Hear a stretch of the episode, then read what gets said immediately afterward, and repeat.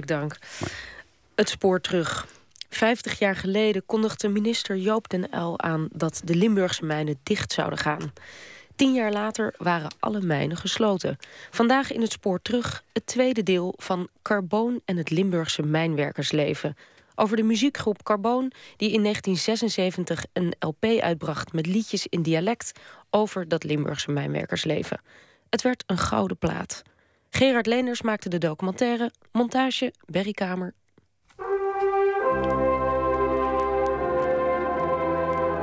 Ik denk toch dat ze eigenlijk het hele mijnleven op muziek hebben gezet. Alles wat zich heeft afgespeeld, dat, uh, dat kun je nu horen.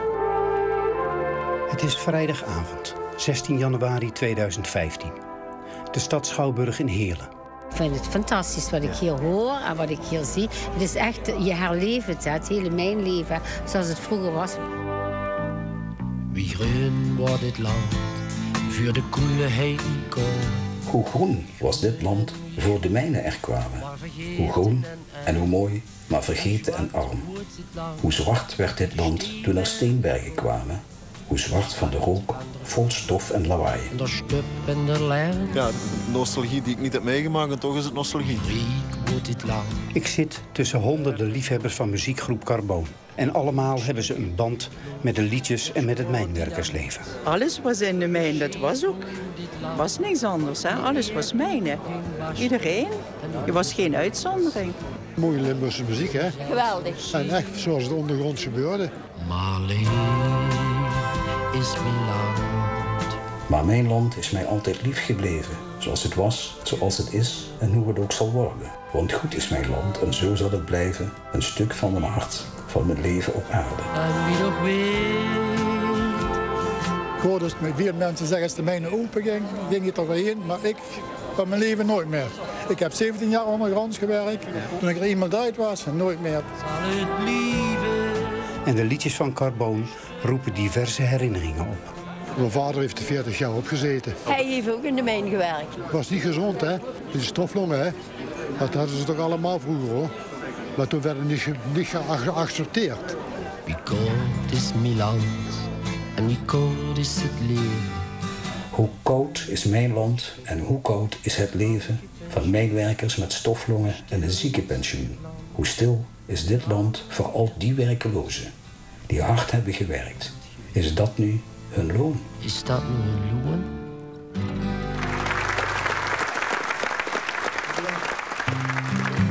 Carboon is voor heel veel mensen het begin geweest van... hé, hey, je kunt het Limburgs kun je ook wat anders zingen dan alleen het kruisje en het kapelletje. Zegt de 65-jarige Henk Stijvers, zanger en gitarist van Carboon. Tegenover hem zit de 77-jarige Jan Hendricks. Ik ben gepensioneerd journalist en ik ben de tekstschrijver van de groep Carbon. Beide hebben, net als de andere leden van de groep, een band met het mijnwerkersleven. De vader van Henk Stijvers, woonachtig in Midden-Limburg, was mijnwerker. Mijn ouders ouderlijk huis, aan de overkant was een garage. Die hadden een touringcarbedrijf. S'morgens om vier uur in de winter. Dan stonden daar die bussen te dieselen om die, die koelpitters te gaan overhalen. En dat herinner ik me nog zo goed dat mijn pa dan om een uur of vier... dan stommelde die uit bed en dan kroop hij in die bus en dan ging die werken. En dan kwam hij om een uur of vier, smiddags kwam hij dan weer, eh, weer terug. Ondergronds noemen ze elkaar kompel. Hun werktijd heet schicht. En wassen ze elkaars rug, dan noemen ze dat poekelen. Het eten van een boterhammetje ondergronds is boeteren. Oud-journalist Jan Hendricks woont in de oostelijke mijnstreek... en laat zich daar voor zijn teksten inspireren. Heel veel. Met koempels gepraat, oud-mijnwerkers, eh, mensen die eh, bij de mijn betrokken waren. En eh, ja, ik herinner me natuurlijk veel, omdat ik als jongen van deze streek... ik had ooms en, en buurlieden die allemaal ondergronds op de koel werkten. En als je ze dan sprak, die hadden altijd maar verhalen over de mijn. Dus dat zat er al een beetje als basis in. En toen ben ik die liedjes gaan schrijven. In totaal twaalf liedjes in Heerlens dialect... die in 1976 worden uitgebracht. Bijna twee jaar na de sluiting van de twaalf Limburgse mijnen. Meer dan 50.000 platen worden er verkocht. Op de hoes van de LP markante mijnwerkershoofden en een vallende schoorsteen. In witte letters de titel Witste nog koempel. letterlijk vertaald, weet je nog mijnwerker? We zetten alles op een rijtje wat hij heeft meegemaakt. Zijn leven als mijnwerker, wat toch een aparte status had in de maatschappij. Het werk onder in de mijn, het gevaar, het, het, het, gevecht tegen die kolenwand. Dat alles, zijn liefhebberijen, de duiven. Dat alles, ja, van, weet je nog, het is nog nostalgie in feite. En dat is voor een deel een verklaring van het succes van die plaat. Heeft toch te maken met het verlangen naar iets wat weggenomen is, wat heel abrupt weggenomen is, ten koste van de eerbied voor het cultureel erfgoed. En waar eh, weinig eigens voor in de plaats gekomen is. Drie jaar later brengt de groep nog een tweede LP uit. De laatste koempel. Het is nu stil en leeg, de toen ik die, onderwerpen bepaalde waar we over moesten schrijven, zingen. Toen had ik een heleboel die dan niet op die eerste plaat konden. Dus de Koelharmonie bijvoorbeeld, die we dus nu ook in de Schouwburg brengen. Elke, elke mijnzetel had zijn eigen korps. Dat waren allemaal onderwerpen, ja was wel leuk om toch nog te doen. De, niet te vergeten de witte heuer, de witte houwer. Dat was dan de verbandmeester met zijn witte pak aan. Die iedereen maar gezond schreef. Een beetje graag geforceerd gezegd en zo. Mhm. Nou ja, en dat, dat hebben we dus op die tweede plaat gezet.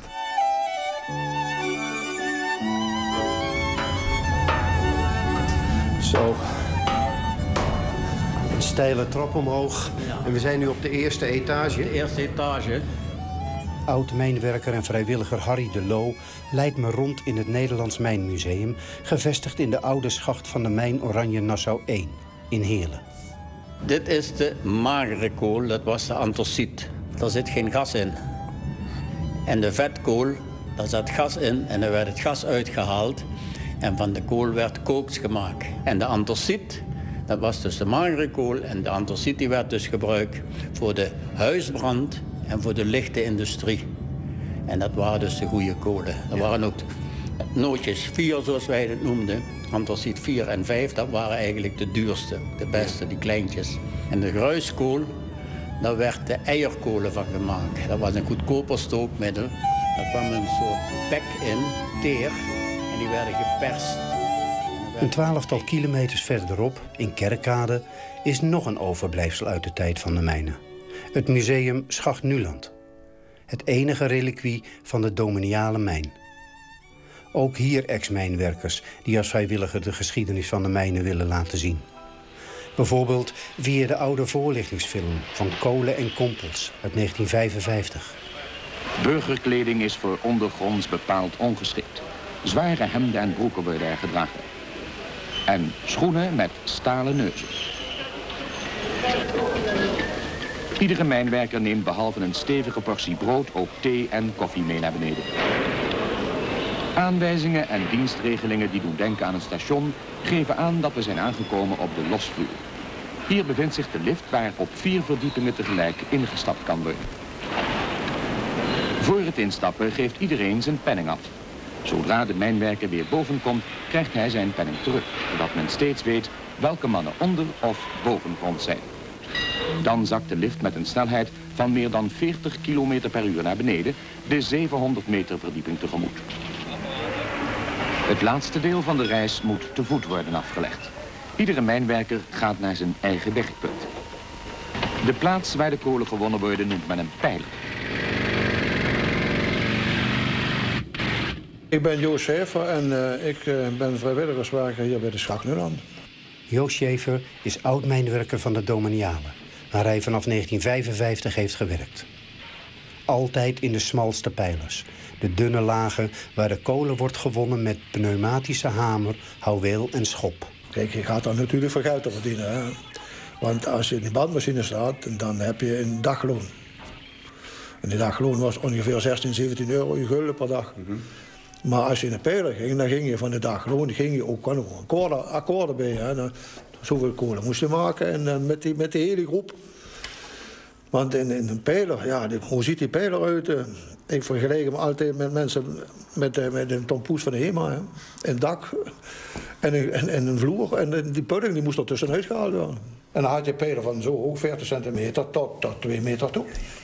De hele dag lag je Alles moest je als liggen doen. Ook de bouwwerk zetten als liggen. Geef me hammer en wiel.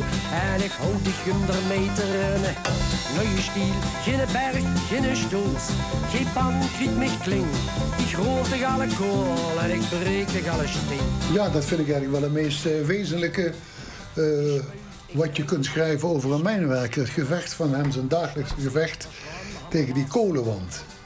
En in dat nummer Durberg dus wordt beschreven hoe de, hoe de, de mijnwerker vloekend, zwetend en zwoegend zijn, zijn lijf en zijn hamer, zijn, zijn luchthamer, hè, in die wand van die berg drijft. En hoe die vloekt. Ik grindig wel klinkt uit de krak. Andere woorden, over een uurtje lig je hier voor mij in kleine stukjes. En dat vind ik het wezenlijke van het mijnwerk. Dat is dus daarin beschreven, dat Durberg. Dat ze Michels kullen, dan moest de vreugde opstoren. Hingst dat ze bis. Loek Wiertz is evenals Joost Schever oud-mijnwerker op de Dominianen. Als je bijvoorbeeld eh, in je onderhemd werkt en je kreeg zo'n steen achter langs je rug af en je kreeg er een scheur in, totdat je overleden was. Die ging er nooit meer uit. Daar kun je, met hem kun je zien. Het kolenkruis gaat er nog maar uit. Eh, Als het schoongemaakt was verzorgd en het groeide dicht, die blauwe streep die kregen ze er nooit meer uit. Ik heb dikwijls mensen de rug gewassen in, in, onder, in, in bad. Dat je zegt, non, die, die heeft toch vaak achter op zijn rug wat gekregen. Al is het dan ook maar licht, als het scherp is. En alleen door dat stof, dat kolenstof, dat bleef je altijd zien. Was net als een tatoeage.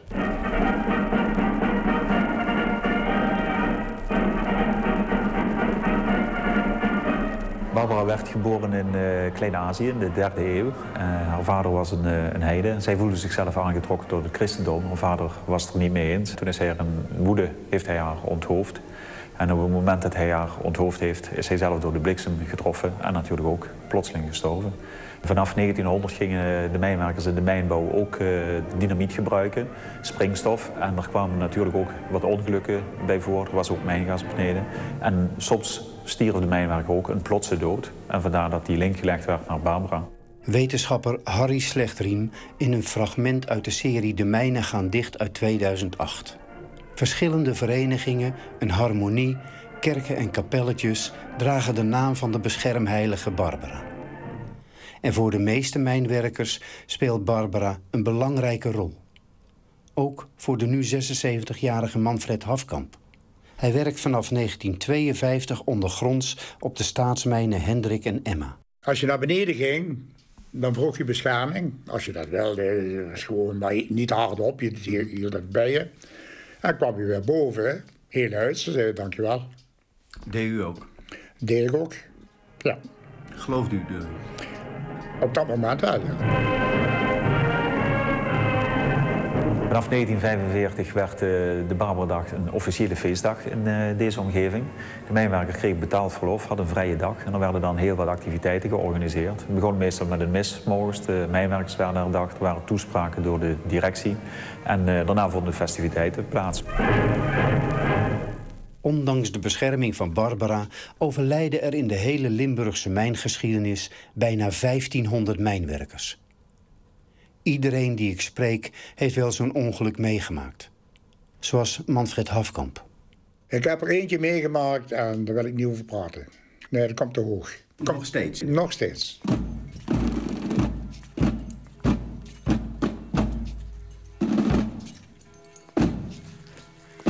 Praten doet Loek Wiertz wel. Ik ben ook zelf ben ik acht jaar bij de reddingbrigade geweest. Had ook dikwijls ik daarmee, daar, ging je met, daar ging je mee naar huis. En dan was je de eerste man en niet kwijt. Ik heb eh, twee, twee mensen mee uit de schak gehaald die de schak afgevallen zijn. Eentje was een, is een collega van mij geweest. Die is een slecht de schak afgevallen. Die was, toen hij onder was, was hij de helft kleiner. Die had gewoon zijn botten naar binnen waren die gevallen. En we hebben ook eens eentje gehad die, die in de schak tegen een raam sloeg. En als je dat gebeurt, dan sla je tegen alle ramen aan waar je bent. Dan, dan ben je echt, kan je zeggen, in stukken. En dan vertelt Loek Wiertz over zijn eigen bijna doodservaring. Toen stond ik bovenop een buis. En dan had ik een grote stang in mijn handen. Toen moest ik een steen wegdrukken. En ik drukte die steen weg. En toen ik die steen wegdrukte, drukte het hele dak in elkaar. En die buis waar ik op stond, die blaasde me helemaal boven dat stuk in. Wat, dat hele brok wat afgekomen, daar blaasde die me bovenin. In een, in, een, in een steengang. En dan was het dicht. En dan ben ik blijven liggen. Ben, ben ik blijven liggen. Daar heb ik ongeveer een 6,5 uur heb ik daarin gelegen. Maar ik kan je één ding vertellen. Dan, eh, dan zie je toch wel de, de dood voor je. Dan, dan gaat alles door je heen. Ze hebben me toen naar buiten gehaald. Ik had een hele hoop schaafwanden. En eh, ben ik naar boven gegaan. En eh, toen ik boven kwam, toen ben ik naar de verbandskamer toe gegaan. Hebben ze me alles goed verzorgd. Heb ik de, hebben ze me de kleren gehaald vandaag, hebben me aangekleed. Ik heb mijn hele boeltje bij elkaar gepakt. En ik heb dat, hier ben ik naar de schacht toe gegaan, dat boeltje dat heb ik naar beneden gegooid. Dan heb ik gezegd, hier kom ik nooit meer. Toen ben ik ongeveer een week of vier thuis geweest. En na die vier weken ben ik toch weer gegaan. Trok me toch weer wat te gaan. Dit is het held, staat te stangen. Een lied voor de koelman, die zo groot schaar niet. Dit is het lied voor een held die nooit heeft bestaan. Een lied voor de mijnwerker die niet ijdel was. Een lied voor de mijngezel die omlaag is gegaan, diep onder de grond toen zijn leven verloor. Was dat een held? Wie zal het zeggen? De mijn sprak van een bedrijfsongeval. Ze hielden dan niet zo van helden en zagen. Dat was voor de mijnwerker maar kwezelgeklets. Dat voor de koelman, maar kwezel Aan de veiligheid van de mens ondergrond schenkt men veel aandacht. Oefeningen worden geregeld gehouden. Hier met Pluton. Ik ben in de eerste Zuidtussen. Punt 5. Over. U moet zich voorstellen, als iemand een dodelijk ongeluk in de mijn kreeg. In die reddingbrigade kregen wij dat allemaal mee, als zoiets gebeurd was.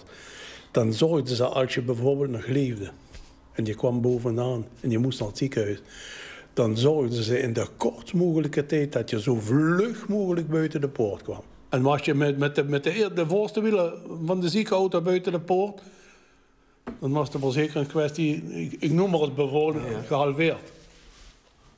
Van minder geld. Ja, zo hard was het. Echt wel. Alles wat, eh, wat ze niet hoefden te betalen, dus de Rijksverzekeringsbank, dat ging door de Rijksverzekeringsbank, dat werd zo snel mogelijk afgehandeld.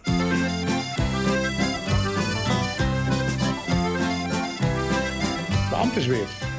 Nou, dat, dat eh, bestond niet. Ze houden hetzelfde, een koos wat de moel. Maar verschil moet zie je, zelfs die eeuwigen koel. Ze zwitten tezamen dezelfde zweet. Ze hadden allemaal hetzelfde koolzwarte gezicht. Maar verschil moet er zijn, zelfs diep in de mijn. Ze zweten allemaal hetzelfde zweet, maar toch was er, dat rookje, een groot verschil. De werkman die zweette zijn simpele voort. Maar de hoofdopzichter had al een betere geur. En de hoofdingenieur, die wel edelgeleerde, kon helemaal niet zweten. Die heer transpireerde. Sogar ze nachts in het westlokaal zongen.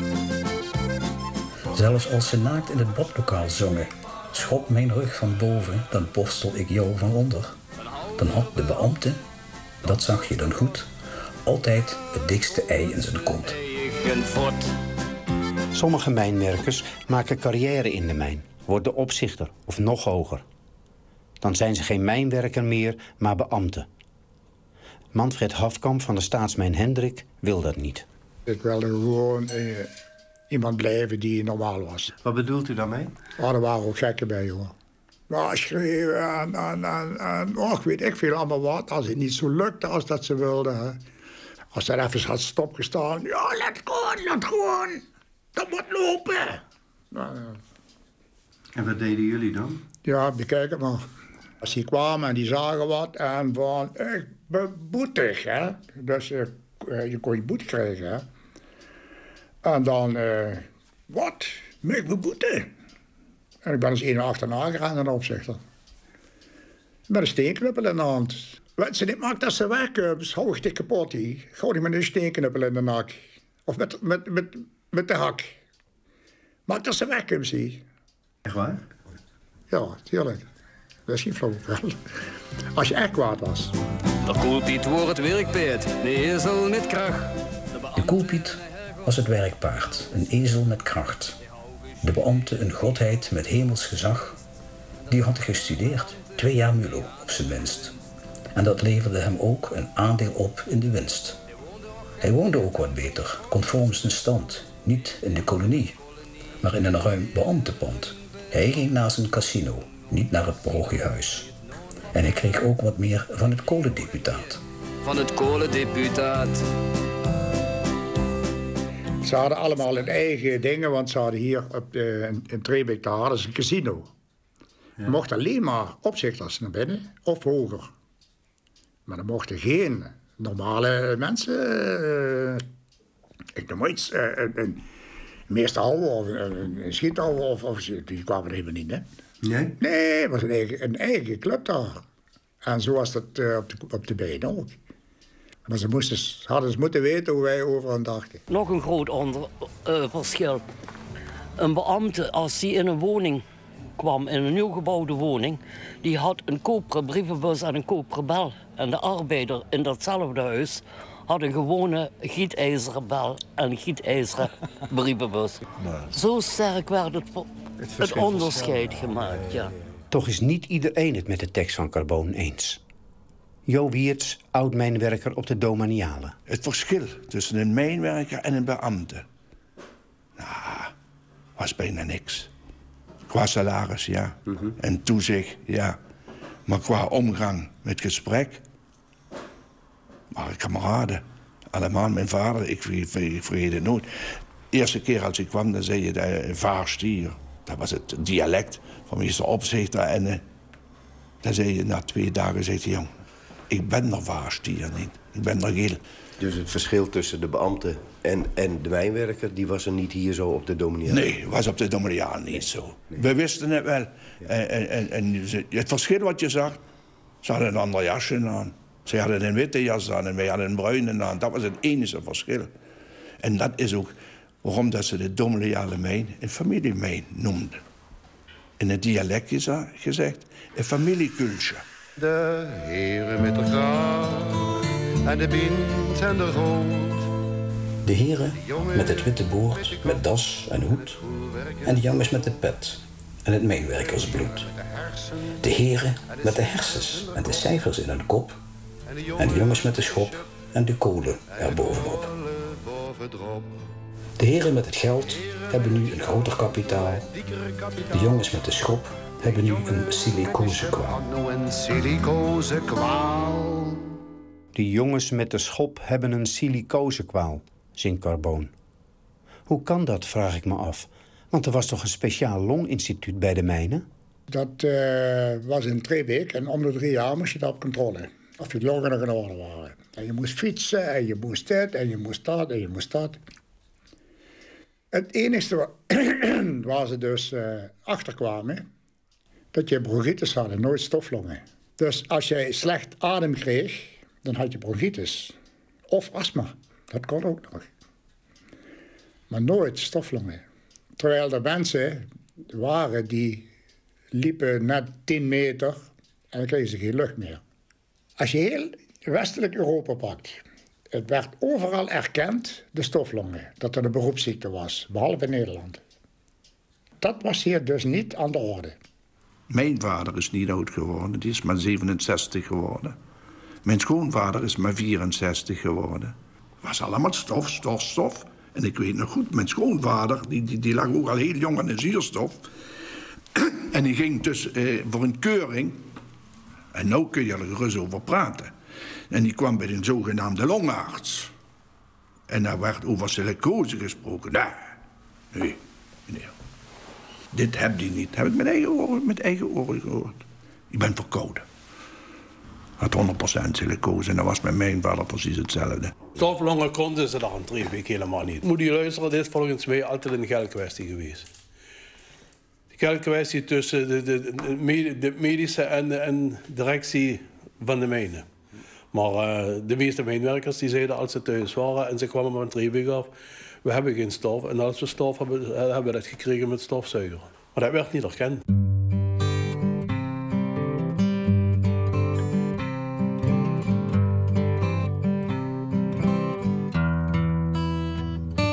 Ik heb een schoonvader. Die, is, eh, die heeft het ook niet lang volgehouden in de Mijn. Die eh, was ook al heel jong thuis, was die met, met, met 100% stof. En als je die man dan zag zitten, als hij ging slapen, dan, lag, zat hij gewoon boven tegen het bed aan. Kussen in de rug, alleen voor, lucht te krijgen. Maar ik kan je één ding vertellen. Het was een verschrikkelijke tijd. Die mensen die zijn allemaal toen ze gestorven zijn, ook volledig gestikt. Ik heb één keer meegemaakt met opa. Daar ben ik bij geweest. Zat ik mee te praten. 100% stof. En hij was weg geweest. Had zich, dat was toen in die tijd, gingen ze een paar borreltjes drinken. En ik kwam uh, van de kastelein naar huis toe. En we zitten even zo te praten. En hij valt in een hoes. En hij gooit de hele long eruit. En dat kan je je niet voorstellen. Dat was één, één zwart stuk. En dat gaat er nooit meer. Dat zal ik nooit meer. Zoiets vergeet je nooit meer in je leven. En dat is het ergste wat ik, wat ik heb meegemaakt. Dat kan ik u wel vertellen. Geen mijnsluiting zonder redelijke perspectieven op vervangende werkgelegenheid. Er diende een samenstel van maatregelen te komen die hier in de mijnstreek een nieuw industrieel klimaat zouden kunnen scheppen. Dat hier in Zuid-Limburg nieuw werk en nieuw leven, ook nieuw samenleving, zijn fundamenten zal kunnen vinden. Tekstschrijver van Carbon, oud-journalist Jan Hendricks. Nou, ik was toen eh, als aankomend beginnend hulpjournalist... Eh, professioneel daar aanwezig in de Schouwburg. En eh, dat was eh, heel verbazingwekkend. Men applaudisseerde toen de uil klaar was met, het, met zijn grafreden uh, en de mijnen ging, ging sluiten. Dat was heel merkwaardig. Waarom? Nee, omdat hij, omdat hij me uh, gouden bergen beloofde. Wat die man ook echt meende. Dat iedereen dacht, nou, nou komen de gouden tijden pas. Maar dat, dat bleek dan achteraf anders te zijn. Van de belofte van Joop den Uyl in 1965 is inderdaad weinig terechtgekomen. In de periode 1965-1990 krijgt het zuiden en midden van Limburg ongeveer 7 miljard gulden aan overheidssteun. Voor de afbouw van de mijnen, voor de mijnpensioenen, de WHO-gelden, investeringspremies voor nieuwe bedrijfjes en voor talloze werkgelegenheidsprojecten. Dat grote, grote oude CBS daar, dat zou een vervangingswerk zijn geweest. Maar als mijn werken kwam er helemaal niet tussen. Dan moest je al uh, ja, een beetje gestudeerd hebben. Dan kon je dan misschien wat doen. Uh, wat had je nog meer hier? Het uh, eh, ABP, dat hebben ze toen ook gebouwd. Ja, daar kwam je ook smijnwerker niet tussen. Dan moest je ook al computerdiploma's hebben en dergelijke. Heel veel mensen hebben ze toen die ze niet konden plaatsen. Die zijn naar de WHO gegaan. Want dan was je geld genoeg. Dus je wordt afgekeurd. Dus dat kon toen die tijd. Er zijn mensen geweest die zijn twee keer werkloos geworden. Ene keer hier op de mijnen, de andere keer dat er hier kleine fabriekjes gebouwd werden. Driejarige subsidie kregen ze. En dan moest hun fabriekje moest dan op eigen benen staan. En toen die subsidie op was, zijn ze weggegaan. Bijna 45.000 mijnwerkers verliezen hun baan. Iets meer dan 18.000 banen zijn er voor teruggekomen. Je werd ergens naartoe gestuurd en daar moest je dan kijken voor de nieuwe toekomst. Mm Wat ging u doen? Nou, het is een wereldverschil. Ik ging naar de kantweverij. Kantweverij. Garen. Dat is een wereld. De eerste keer toen ik in die fabriek binnenkwam... en dan kom je daar met die, grove, met die grove handen kwam je daar. je ging eens voelen aan dat garen. Ja, die jongen die aan die machine staat... die heeft daar drie uur aan moeten helpen repareren. Was er maar eens eventjes met de handen. Dus dat bleef allemaal hangen. Toen kwam ik bij uh, mijn baas terecht. Die leerde me aan hoe met machinepark om te gaan en met garen om te gaan voor de productie. Na twee maanden, ik zeg, hier hou ik op dit is niks van mij. Dat geduld heb ik niet, want we waren het grofwerk. Toen zegt hij tegen mij, Jo, zegt hij, neem de tijd. Ik gun je die tijd. Ja, die tijd heeft hij me gegund. En, dan heb ik 30 jaar heb ik daar vol gemaakt.